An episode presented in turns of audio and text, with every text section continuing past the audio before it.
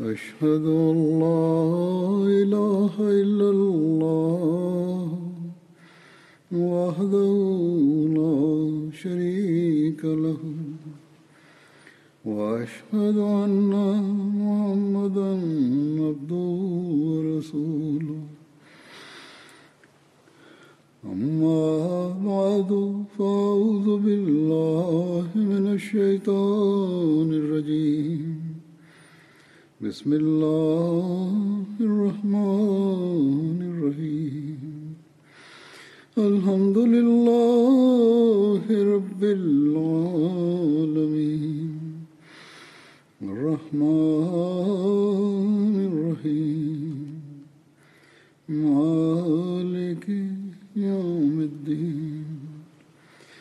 إياك نعبد وإياك نستعين.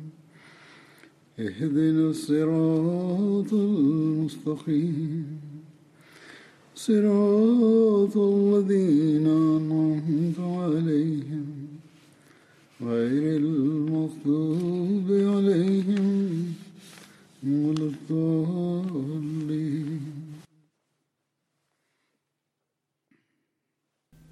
لقد ذكرت في الخطبة الماضية سيدنا أبا عبيدة رضي الله عنه واليوم أيضا سأتابع ذكره.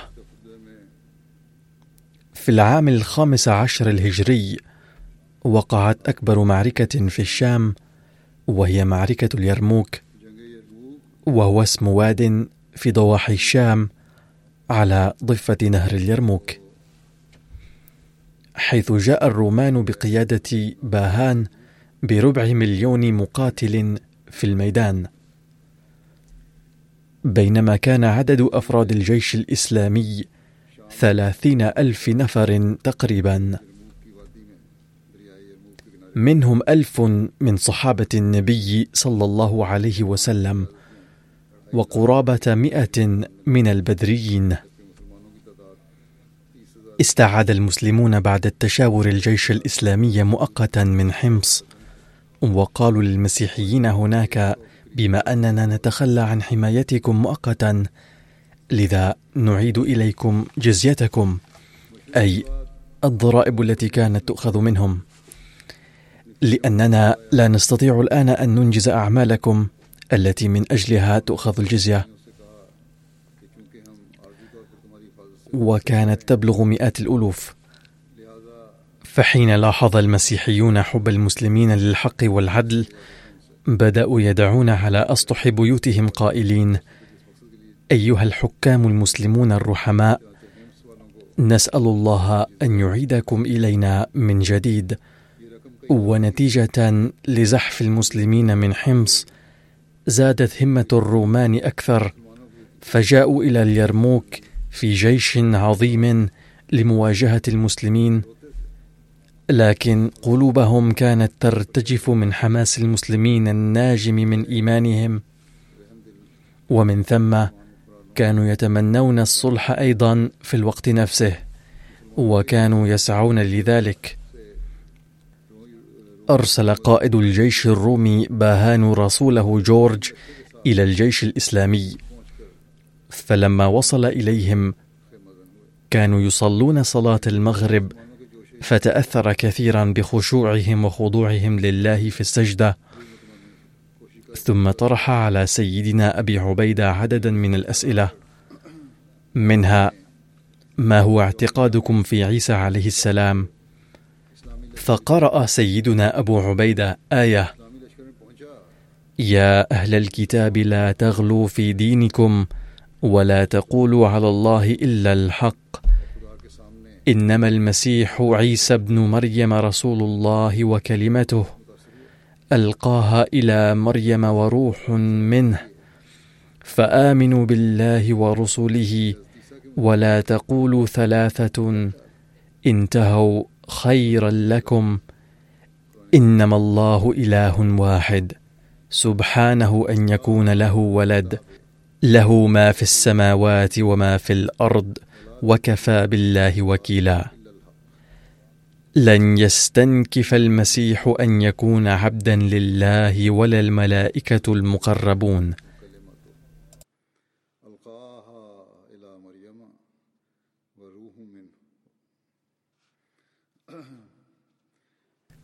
يقرا حضرته الترجمة الأردية لهذه الآية فآمنوا بالله ورسله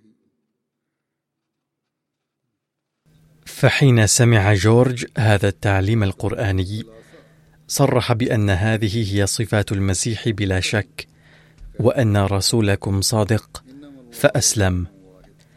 الآن ما كان يريد أن يعود إلى جيشه لكن سيدنا أبا عبيدة قال له إن الرومان سوف يظنون في نقض العهد لذا يجب أن تعود إليهم وعندما سيذهب السفير من هنا إلى هناك غدا يمكن أن تأتي إلينا معه. ثم دعا سيدنا أبو عبيدة الجيش المسيحي إلى الإسلام وأخبرهم عن المساواة والأخوة والأخلاق الإسلامية. وفي اليوم التالي توجه إليهم سيدنا خالد لكنه لم يسفر عن أي نتيجة. وبدأ الاستعداد للحرب. وخلف الجيش كانت النساء المسلمات. وكن يسقين الجنود ويعتنين بمداواة الجرحى ويحمسن الغزاة. وكانت فيهن السيدة أسماء بنت أبي بكر وزوجة أبي سفيان. السيدة هند بنت عتبة. التي آمنت عند فتح مكة والسيدة أم أبان وغيرهن. قبيل الحرب خاطب سيدنا أبو عبيدة أولئك المسلمات وقال لهن أيها المجاهدات تناولن أوطاد الخيام بعد نزعها واملأن جيوبكن بالأحجار. وشجعن المسلمين على القتال. وقلن لهم اليوم مواجهتكم مع العدو فلا تولن أدباركم. إذا رأيتنهم ينتصرون فلا تبرحن مكانكن. أما إذا رأيتنهم يتقهقرون فاضربن وجوههم بهذه الأوتاد. وامطرن عليهم هذه الأحجار وبذلك عدنهم إلى الميدان. وارفعن أولادكن وقلن لهم عودوا وضحوا بحياتكم من أجل أهلكم وعيالكم والإسلام. ثم وجه الخطاب إلى الرجال وقال لهم يا عباد الله تقدموا لنصر الله ينصركم ويثبت أقدامكم. يا عباد الله اصبروا فالصبر حصرا وسيلة الخلاص من الكفر. وسبب لنيل رضوان الله وغسل العار. لا تقطعوا صفوفكم ولا تبدأوا القتال. واحملوا الرماح وأمسكوا المجنات. واذكروا الله فسوف يتم مشيئته. أي يجب أن لا تبداوا القتال ابدا. أما إذا شن الهجوم عليكم فلا تولوا دبركم.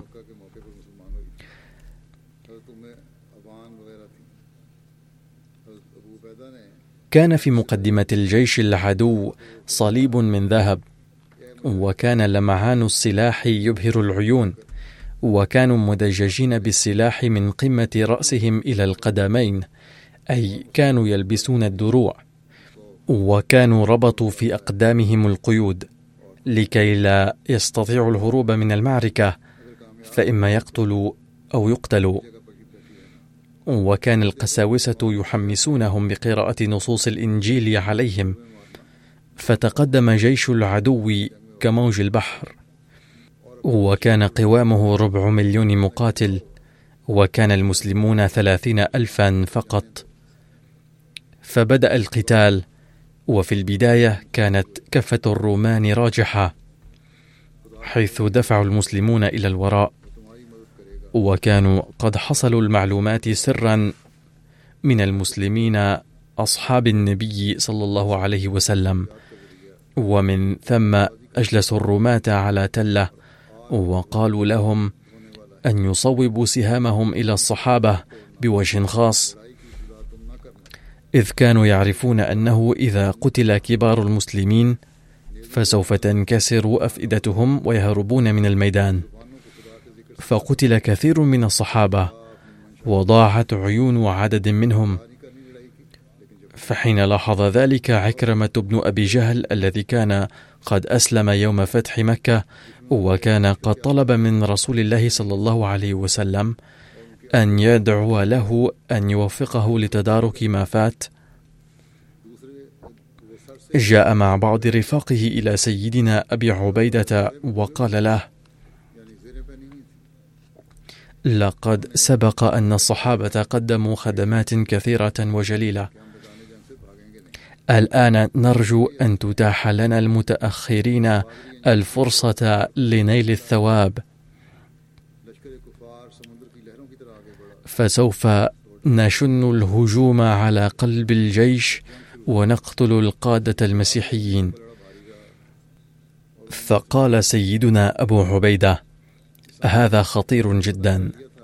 إذ سوف يقتل جميع الشباب الذين يتوجهون إلى هناك. فقال له عكرمة هذا صحيح لكنه ليس هناك طريق سوى هذا. فقال له عكرمة هذا صحيح لكنه ليس هناك طريق سوى هذا. فهل تريد أن نسلم نحن الشباب ويقتل الصحابة؟ فكان متحمسا بعد الإسلام للجود بروحه في سبيل الله.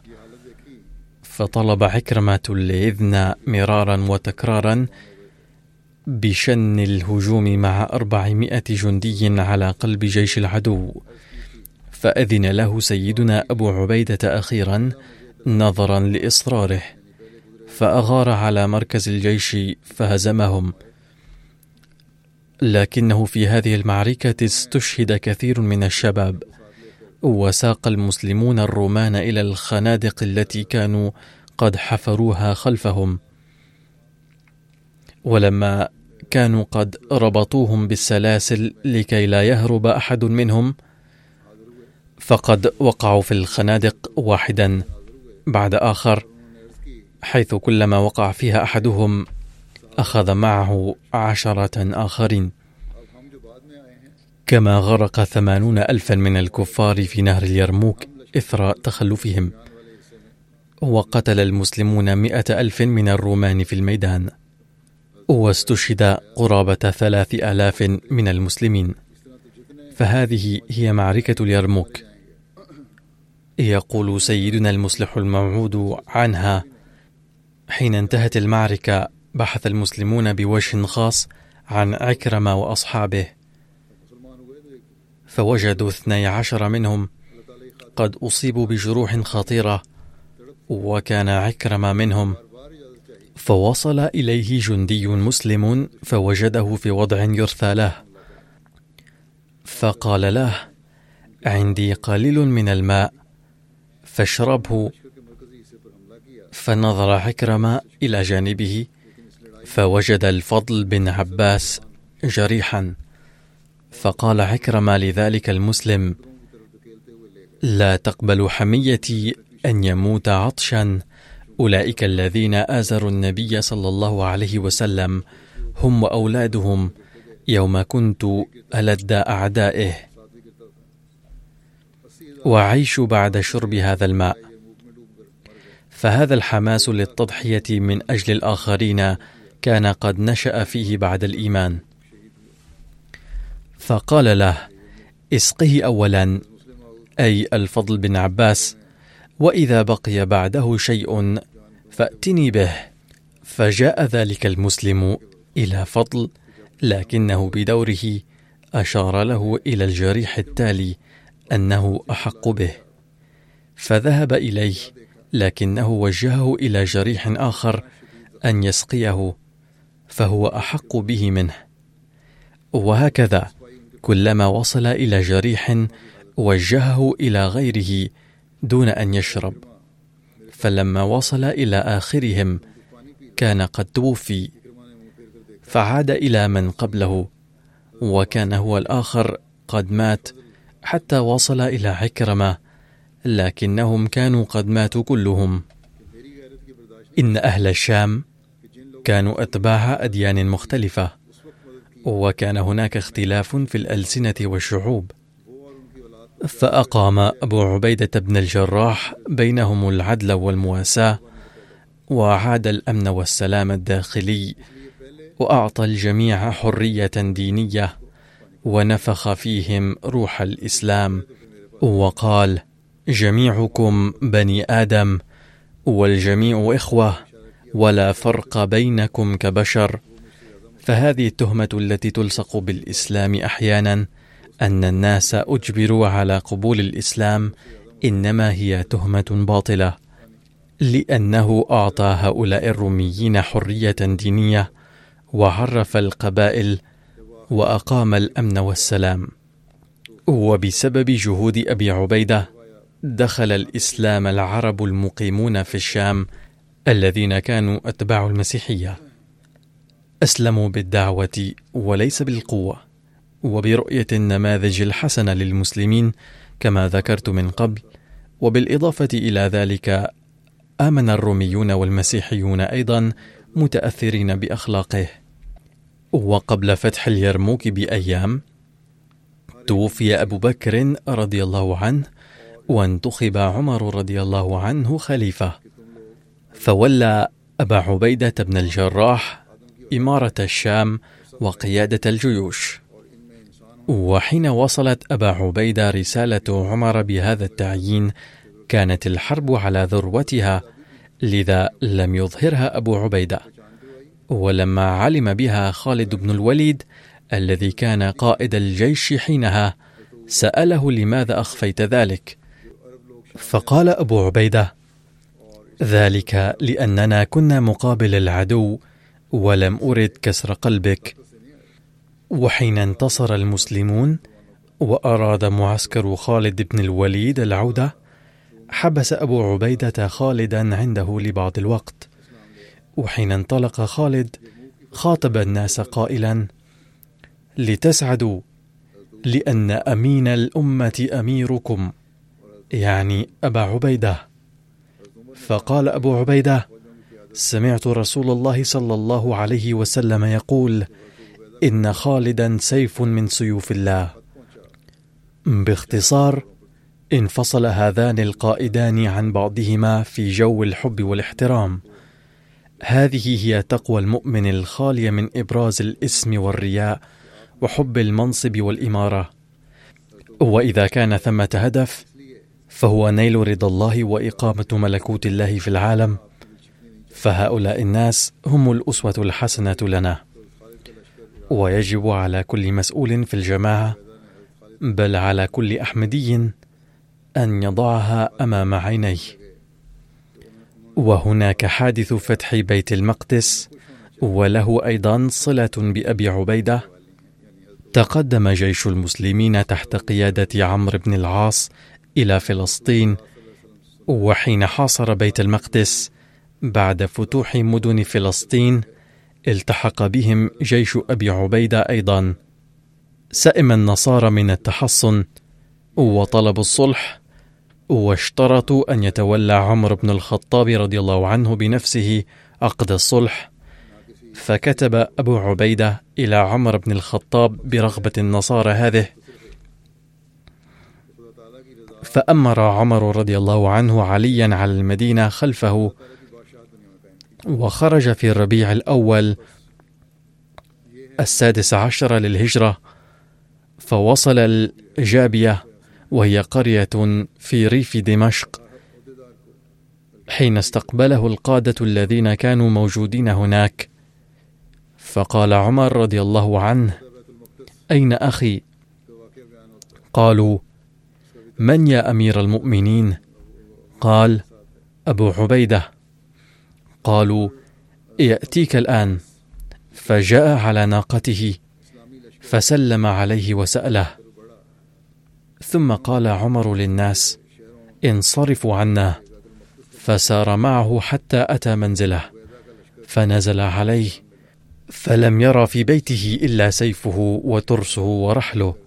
فقال له عمر بن الخطاب لو اتخذت متاعا أو قال شيئا من ذلك قال أبو عبيدة يا أمير المؤمنين إن هذا سيبلغنا المقيل أي أستطيع أن أهيئ لي متاعا ولكنني أخشى أن أنشغل بهذه الأشياء والتسهيلات لذا لا أريدها. وفي تلك المناسبة حدث حادث يزيد الإيمان وقد ذكرته من قبل أيضا وهو حادث أذان بلال رضي الله عنه. ترك بلال الأذان بعد وفاة النبي صلى الله عليه وسلم وفي هذه المناسبة حان وقت الصلاة فأصر الناس على عمر رضي الله عنه أن يطلب من بلال الأذان. فحين أذن بلال بأمر من عمر رضي الله عنه ذرفت عيون الجميع دموعا. وكان عمر رضي الله عنه أكثر الناس بكاء. لأنه تذكر زمن رسول الله صلى الله عليه وسلم. ورد عن السعي الأخير لاسترداد الروميين الشام أن الروميين قاموا بمحاولة أخيرة ليستردوا الشام من المسلمين في السابع عشر للهجرة. واستنجد ضد المسلمين الأكراد والبدو والنصارى والفرس من شمال الشام والجزيرة وشمال العراق والأرمينية هرقل الذي قدم لهم جيشا من ثلاثين ألف جندي. كان سعد بن أبي وقاص قد فتح معظم مناطق الجزيرة ولكنه لم يكن قد انتصر على البدو بعد. وكانت القوة البحرية لقيصر الروم أيضا لا تزال ثابتة. فانتهز القيصر فرصة وشن هجوما شديدا مع جيش بحري كبير بينما حاصر حمص جيش كبير من قبائل البدو وبغت بعض المدن في شمال الشام أيضا. فكتب أبو عبيدة رضي الله عنه إلى عمر للمدد فأمر عمر سعد بن أبي وقاص بإرسال جيش من الكوفة لإمداده. فأرسل سعد كتيبة في إمارة القعقاع بن عمرو من الكوفة ولكن مع ذلك كان جيش الروم كبيرا جدا مقابل جيش المسلمين. فألقى أبو عبيدة خطابا حماسيا لجنوده وقال يا أيها المسلمون الذي ثبت اليوم وبقي ينال الملك والمال والذي استشهد ينال الشهادة وأشهد أن رسول الله صلى الله عليه وسلم. قال من مات وهو ليس مشركا دخل الجنة حتما. وبدأت الحرب بين الفريقين وما لبثت أن تزلزلت أقدام الروميين وهربوا حتى مرج الديباج وهو واد جبلي يبعد عن مدينة مسيسة بحدود الشام بعشرة أميال ولم يتجرأ القيصر على مهاجمة الشام بعد ذلك. طاعون عمواس هذا أيضا اسم واد يقع على الطريق من رملة إلى بيت المقدس على بعد ستة أميال. ورد في كتب التاريخ أنه يسمى طاعون عمواس لأن مرض الطاعون بدأ من هنا وأدى إلى موت الكثيرين في الشام.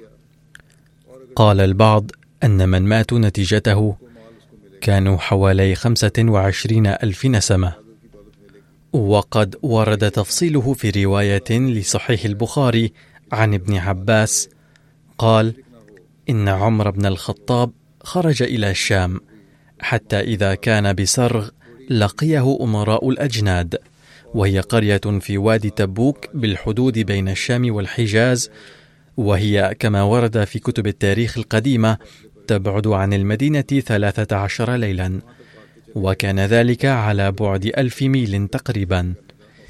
حين وصل عمر رضي الله عنه هناك لقيه أمراء الأجناد أبو عبيدة بن الجراح وأصحابه فأخبروه أن الوباء قد وقع بأرض الشام. فقال عمر ادعوا لي المهاجرين الأولين فدعاهم فاستشارهم فاختلفوا فقال بعضهم قد خرجت لأمر ولا نرى أن ترجع عنه. وقال بعضهم معك بقية الناس وأصحاب رسول الله صلى الله عليه وسلم ولا نرى أن تقدمهم على هذا الوباء. فقال ارتفعوا عني. ثم قال ادعوا لي الأنصار. فدعوتهم فاستشارهم فسلكوا سبيل المهاجرين واختلفوا كاختلافهم. وأخرج سيدنا عمر رضي الله عنه الأنصار وقال ادعوا لي شيوخ قريش الذين أسلموا يوم الفتح وهاجروا إلى المدينة. فدعوا. ولما جاءوا سيدنا عمر أشاروا عليه بصوت رجل واحد عليك أن ترجع بالقوم من هنا ولا تدخل بهم إلى المنطقة الموبوءة.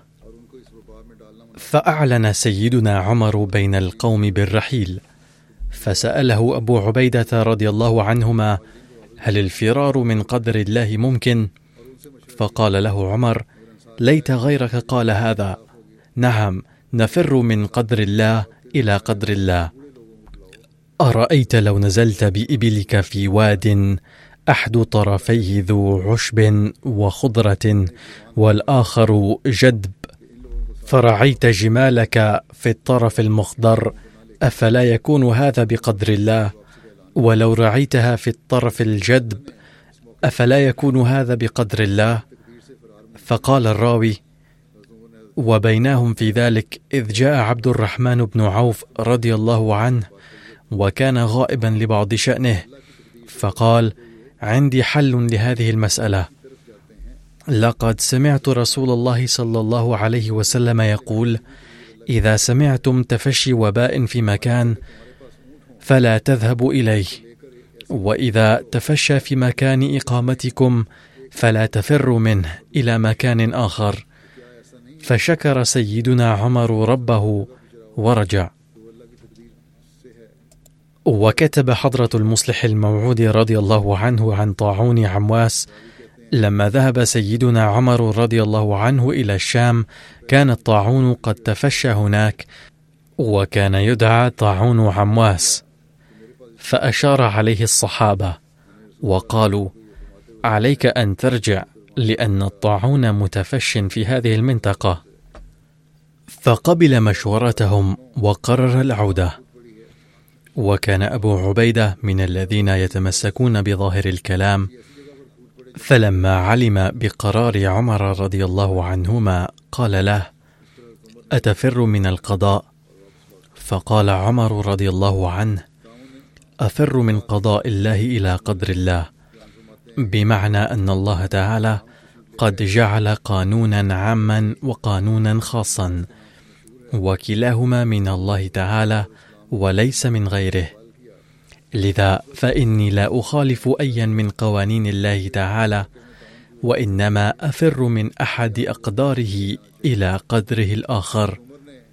ورد في التاريخ أنه لما بلغ سيدنا عمر رضي الله عنه خبر الطاعون جمع الناس للاستشارة وقال لهم كان الطاعون يتفشى في الشام من قبل أيضا فماذا كان يفعل أهلها؟ قالوا إذا تفشى الطاعون يفرون من مكان الطاعون إلى أن تخف وطأته أي يخرجون إلى المناطق الأخرى ذات الهواء النقي بدلا من البقاء داخل المدن. ومشيرا إلى هذه المشورة قال عمر رضي الله عنهما إن الله تعالى قد جعل قانونا عاما أيضا وهو أن الذي يفر من مكان الطاعون إلى مكان نقي الهواء ينجو من هذا الوباء.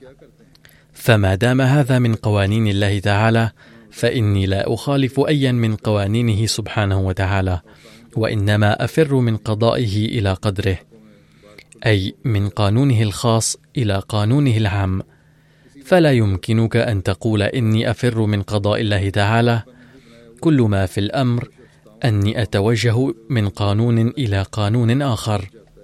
عندما عاد عمر رضي الله عنه إلى المدينة كان قلقا جدا بسبب تفشي الطاعون.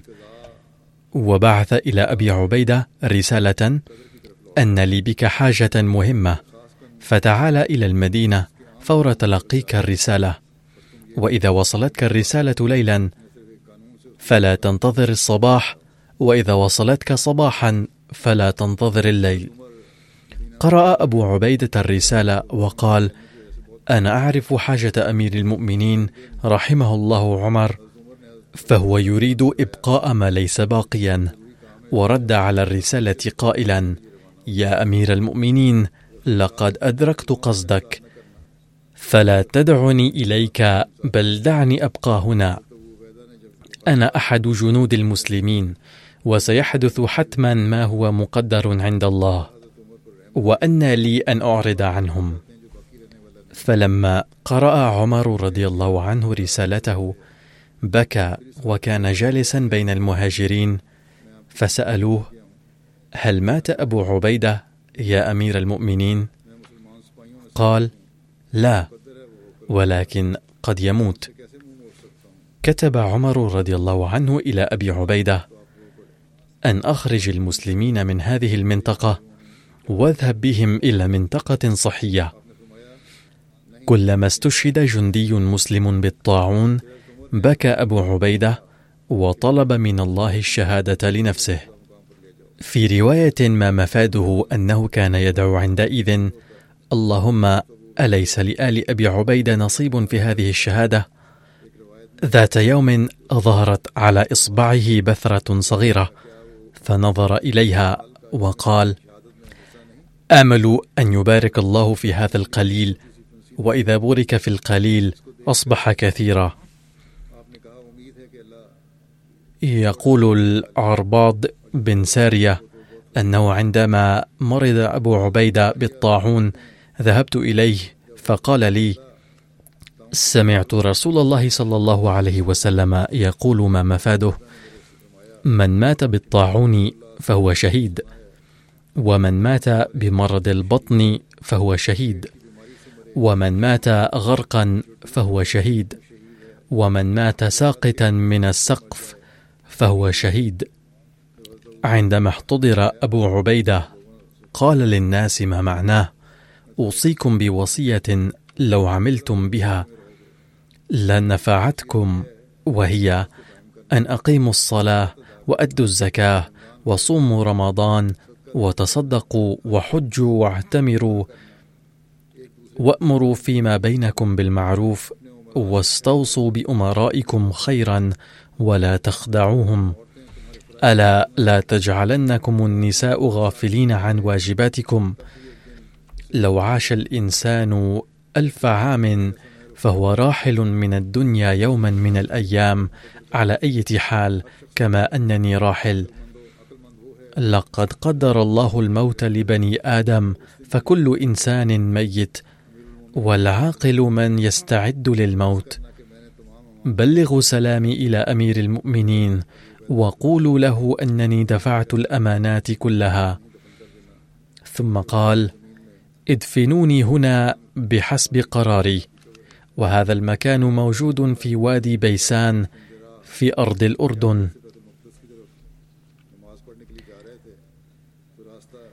جاء في بعض الروايات أن أبا عبيدة بن الجراح كان ذاهبا من الجابية إلى بيت المقدس للصلاة فوافته المنية في الطريق. وفي رواية أخرى أنه توفي في منطقة الفحل بالشام وقبره في بيسان. لقد عين أبو عبيدة في مرضه الذي توفي فيه معاذ بن جبل في مكانه.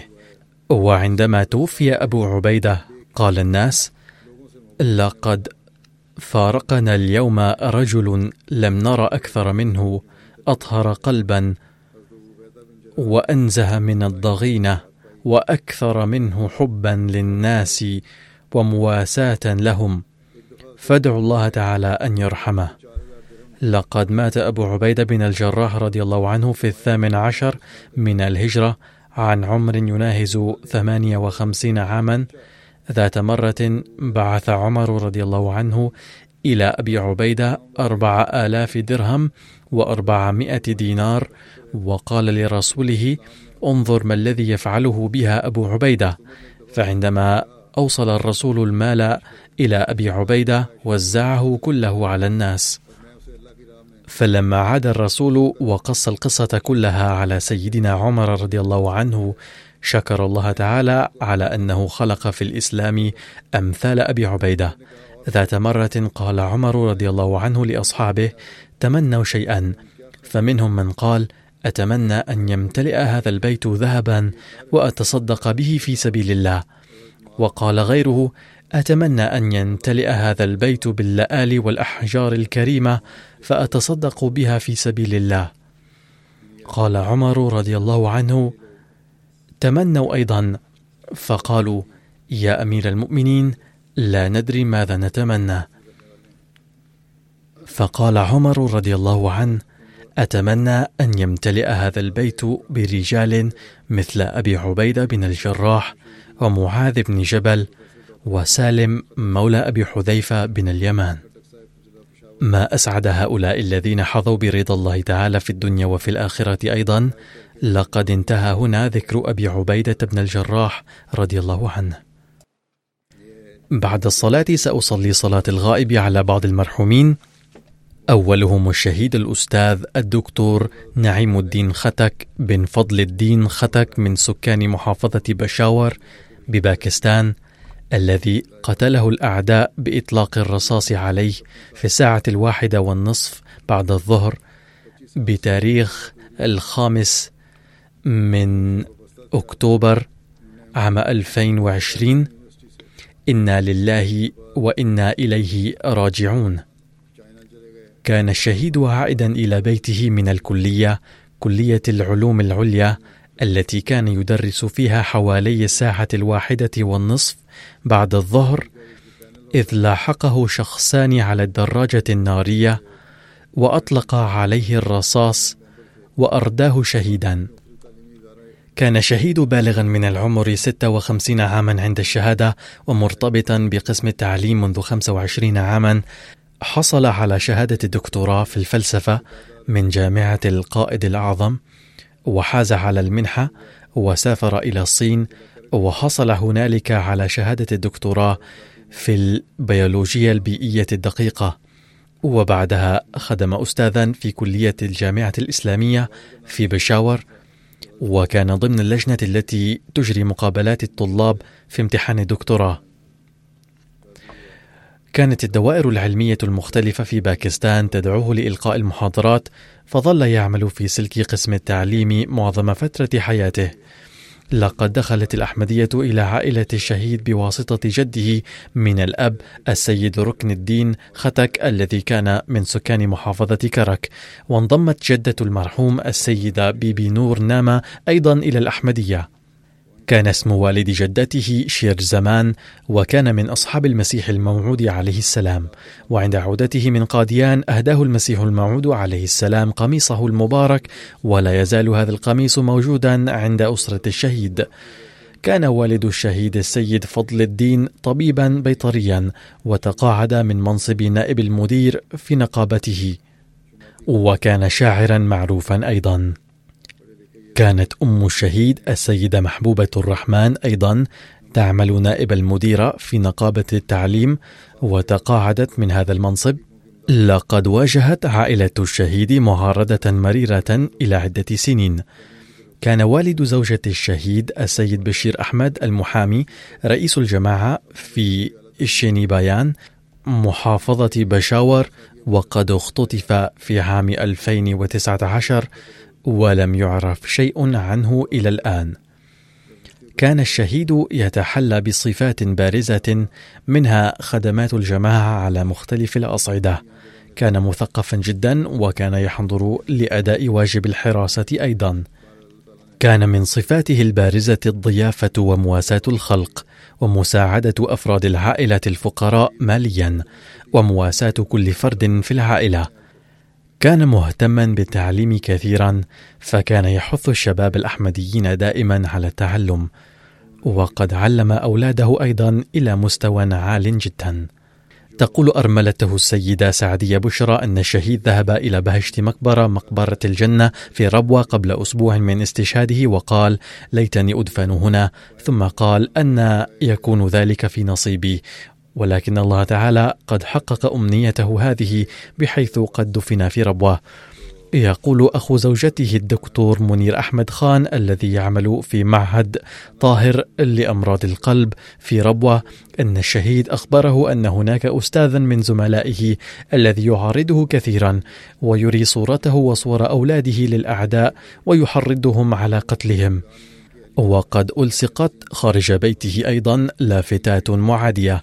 يضيف الراوي قائلا عندما جاء للقائي قبل أسبوع من استشهاده دعوته للطعام ولكنه قال سوف آكل في دار الضيافة للجماعة لأن اللذة التي توجد في الطعام في ضيافة المسيح الموعود عليه السلام أي في دار الضيافة والبركة التي توجد في الطعام فيها لا توجد في أي طعام اخر فسآكل عندك في وقت آخر. ترك الشهيد وراءه أرملة السيدة سعدية وثلاث بنات وابنين. إحدى بناته متزوجة وبنتان تدرسان. أحد ابنيه السيد كليم الدين ختك مهندس والابن الثاني السيد نور الدين ختك يدرس في السنة الأولى في الكلية. أحد أقارب الشهيد الذي يخدم الجماعة اسمه السيد نويد أحمد وهو أمير الجماعة في بشاور وهو أيضا أخو زوجته. ندعو الله تعالى أن يغفر للشهيد المرحوم ويرحمه ويلهم ذويه الصبر والسلوان. الجنازة الثانية هي للعزيز أسامة صادق الذي كان طالبا في الجامعة الأحمدية بألمانيا وقد مات غرقا في نهر راين في ألمانيا قبل بضعة أيام. إنا لله وإنا إليه راجعون. كان المرحوم بالغا من العمر عشرين عاما عند الوفاة. كان من سكان جاك إسكندر محافظة غجرات بباكستان وكان أصغر أشقائه وترك وراءه أبويه وخمس أخوات وأخا واحدا. دخلت الأحمدية إلى عائلة المرحوم بواسطة جده من الأب في عهد سيدنا المصلح الموعود رضي الله عنه حين دخل جده الأحمدية مع شقيقيه. لكن شقيقيه ارتد من الأحمدية فيما بعد ولكنه ظل ثابتا. أما عائلة المرحوم من ناحية الأم فقد دخلت فيها الأحمدية بواسطة والد جده السيد شاه محمد ووالده السيد آه لنغر محمد اللذين كان من أصحاب المسيح الموعود عليه السلام وقد بايع على يده في عام 1903 في مدينة جهلم. في عام 1989 ساءت ظروف الأحمديين في قرية جاك اسكندر وخرج الناس في تظاهرات ضدهم. حيث واجه أبو المرحوم أيضا معارضة شديدة وضرب المعارضون أم المرحوم أيضا ورفعوا ضد والده السيد صادق قضية زائفة استمرت إلى سبع سنين. ثم جاءت العائلة إلى ألمانيا بعد أن حاز المرحوم تعليما ابتدائيا في باكستان. وبعد مجيء العائلة إلى ألمانيا التحق المرحوم بالجامعة الأحمدية هناك. وكان قد أكمل السنة الثالثة فيها قبل أن توفاه الله تعالى بقدره وقضائه. يقول والده المحترم مهما مدحت المرحوم لن أفي بحقه فقد قام بأعمال كثيرة في عمره القليل كان شابا نشيطا جدا بصفته طالبا يقضي معظم وقته في الدراسة وقد قضى ستة أشهر الأخيرة في البيت بسبب الفيروس كورونا. كان ملتزما بالصلاة جماعة وصام شهر رمضان الفائت كله. كان يؤم صلاة التراويح في البيت. كان في هذه الأيام يجهز نفسه للذهاب إلى الجامعة الأحمدية بعد قضاء العطلة ولكنه لحق بربه قبل ذلك. تقول والدته أن المرحوم كان يتحلى بمزايا كثيرة جدا، كان ينجز كل عمل بسرعة وجدية وبشعور بالمسؤولية. كان بسيط الطبع وقليل الكلام، لا يتكلم إلا عند الضرورة. كان مطيعا جدا للوالدين، وذا عزيمة قوية.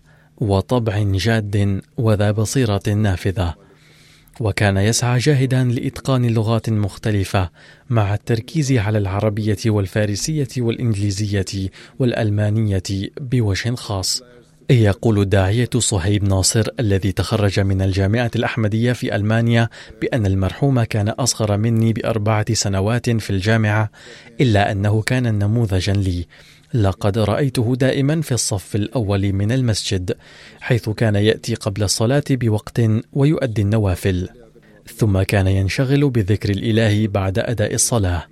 وكان من بين أولئك الطلاب الذين كانوا يسبقون الناس إلى المسجد وهم آخر من يخرجون منه.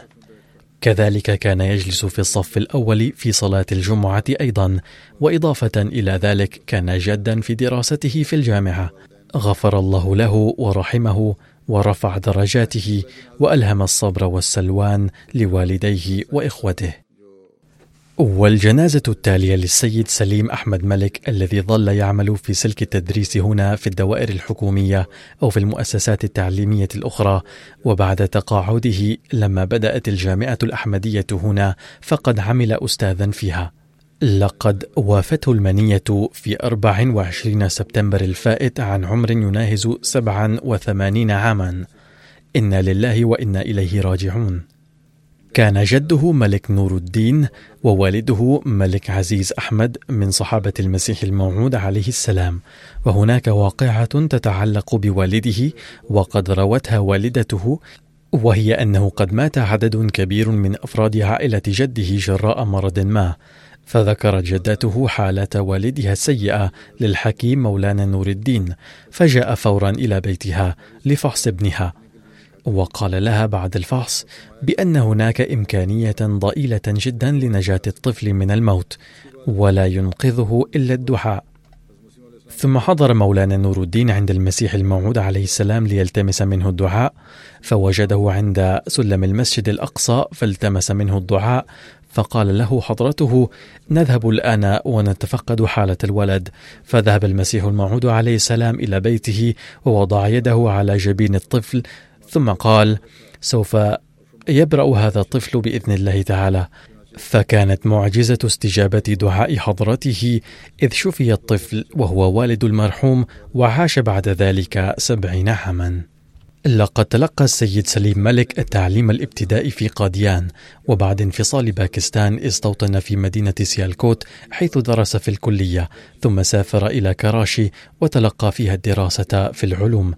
انتقل إلى بريطانيا في عام 1960 وظل يعمل سنوات عديدة محاضرا لمادة الكيمياء الجيولوجية في جامعة ريدينغ.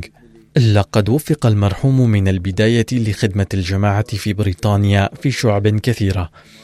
فقد تم تعيينه سكرتيرا للتعليم والتربية كما ظل يخدم بوصفه سكرتيرا لأمور الخارجية فترة طويلة ثم عمل كثيرا في شعبة العلاقات الدولية. لقد أقام الخليفة الرابع رحمه الله تعالى في عام 1997 لجنة لإنشاء الجامعة الأحمدية في بريطانيا وجعل السيد سليم ملك عضوا فيها. كذلك كان يشارك في اللجان التي أقيمت قبل بدء الدراسة في الجامعة الأحمدية.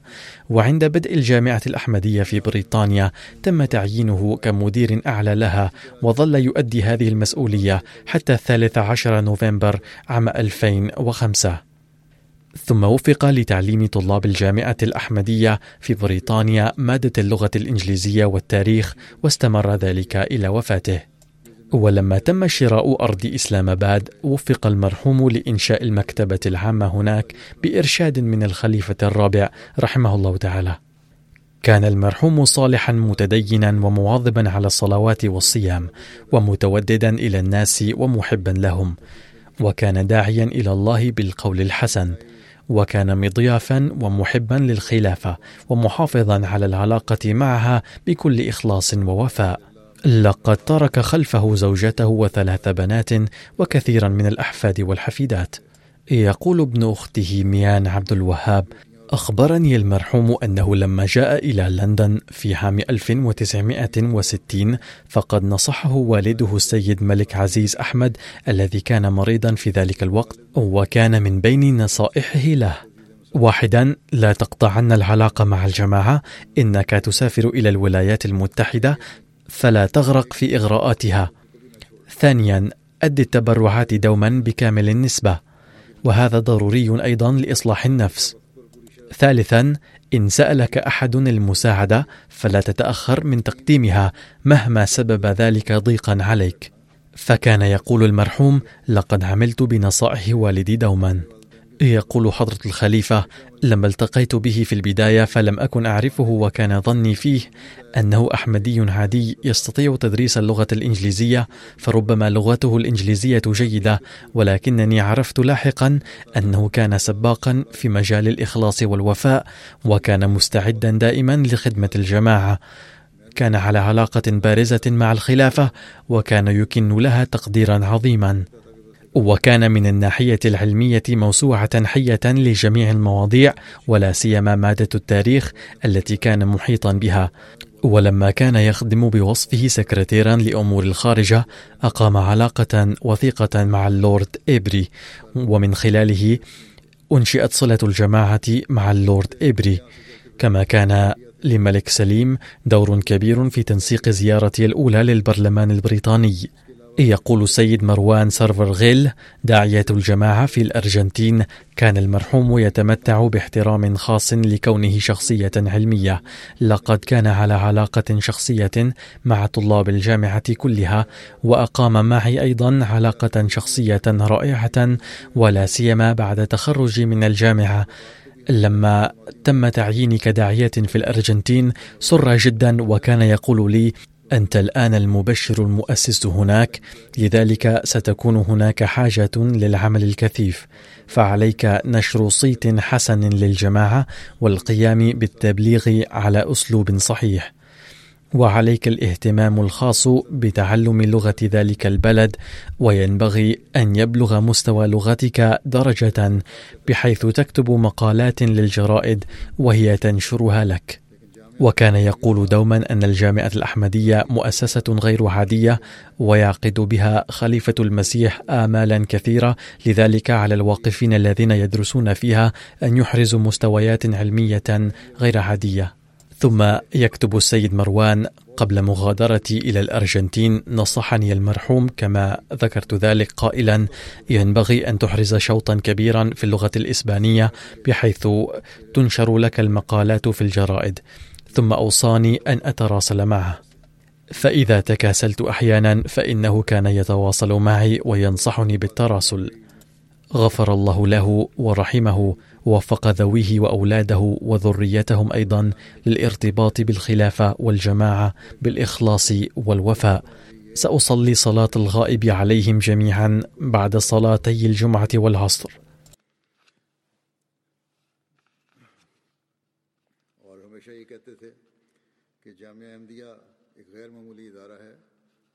اور مزید کو بہت توقعات ہیں۔ اس لیے اس ادارہ سے وابستہ واقف زندگی کو غیر معمولی علمی معیار حاصل کرنا چاہیے۔ پھر لکھتے ہیں مروان صاحب کے ارجنٹائن روانگی سے قبل نصیحت فرمائی خاص طور پر کہ ایسا عبور حاصل کرنا زبان پہ کہ جیسا پہلے میں نے بیان کیا کہ اسپینش زبان میں تمہارے مضامین چھپیں۔ اور کہتے ہیں یہ بھی مجھے کہا کہ مجھے لکھتے رہا کرنا، خط کبھی میرے سے سستی ہو جاتی تو پھر مجھے خود ہی رابطہ کرتے رہتے ہیں کہتے اللہ تعالیٰ مقبول مرحوم مغفور سے، مرحوم سے مغفرت و رحم کا سلوک فرمائے اور ان کے لواحقین کو، ان کے بچوں کو، ان کی نسلوں کو بھی اسی طرح وفا کے ساتھ خلافت و جماعت سے تعلق رکھنے کی توفیق عطا فرمائے۔ ان کو نمازوں کے بعد ان کا، نماز کے بعد ان کا جنازہ غائب پڑھاؤں گا۔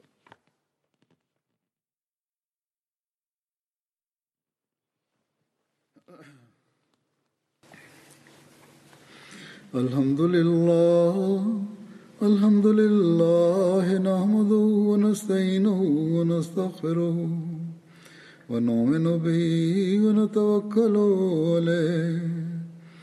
ونعوذ بالله من شرور أنفسنا ومن سيئات أعمالنا.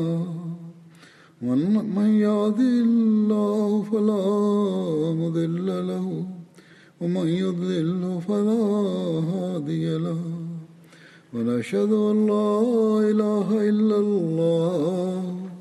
ونشهد أن محمدا عبده ورسوله.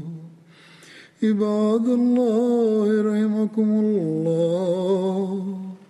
إن الله يأمر بالعدل والإحسان وإيتاء ذي القربى. وينهى عن الفحشاء والمنكر والبغي يعظكم لعلكم تذكرون. اذكروا الله يذكركم وادعوه يستجب لكم ولذكر الله أكبر.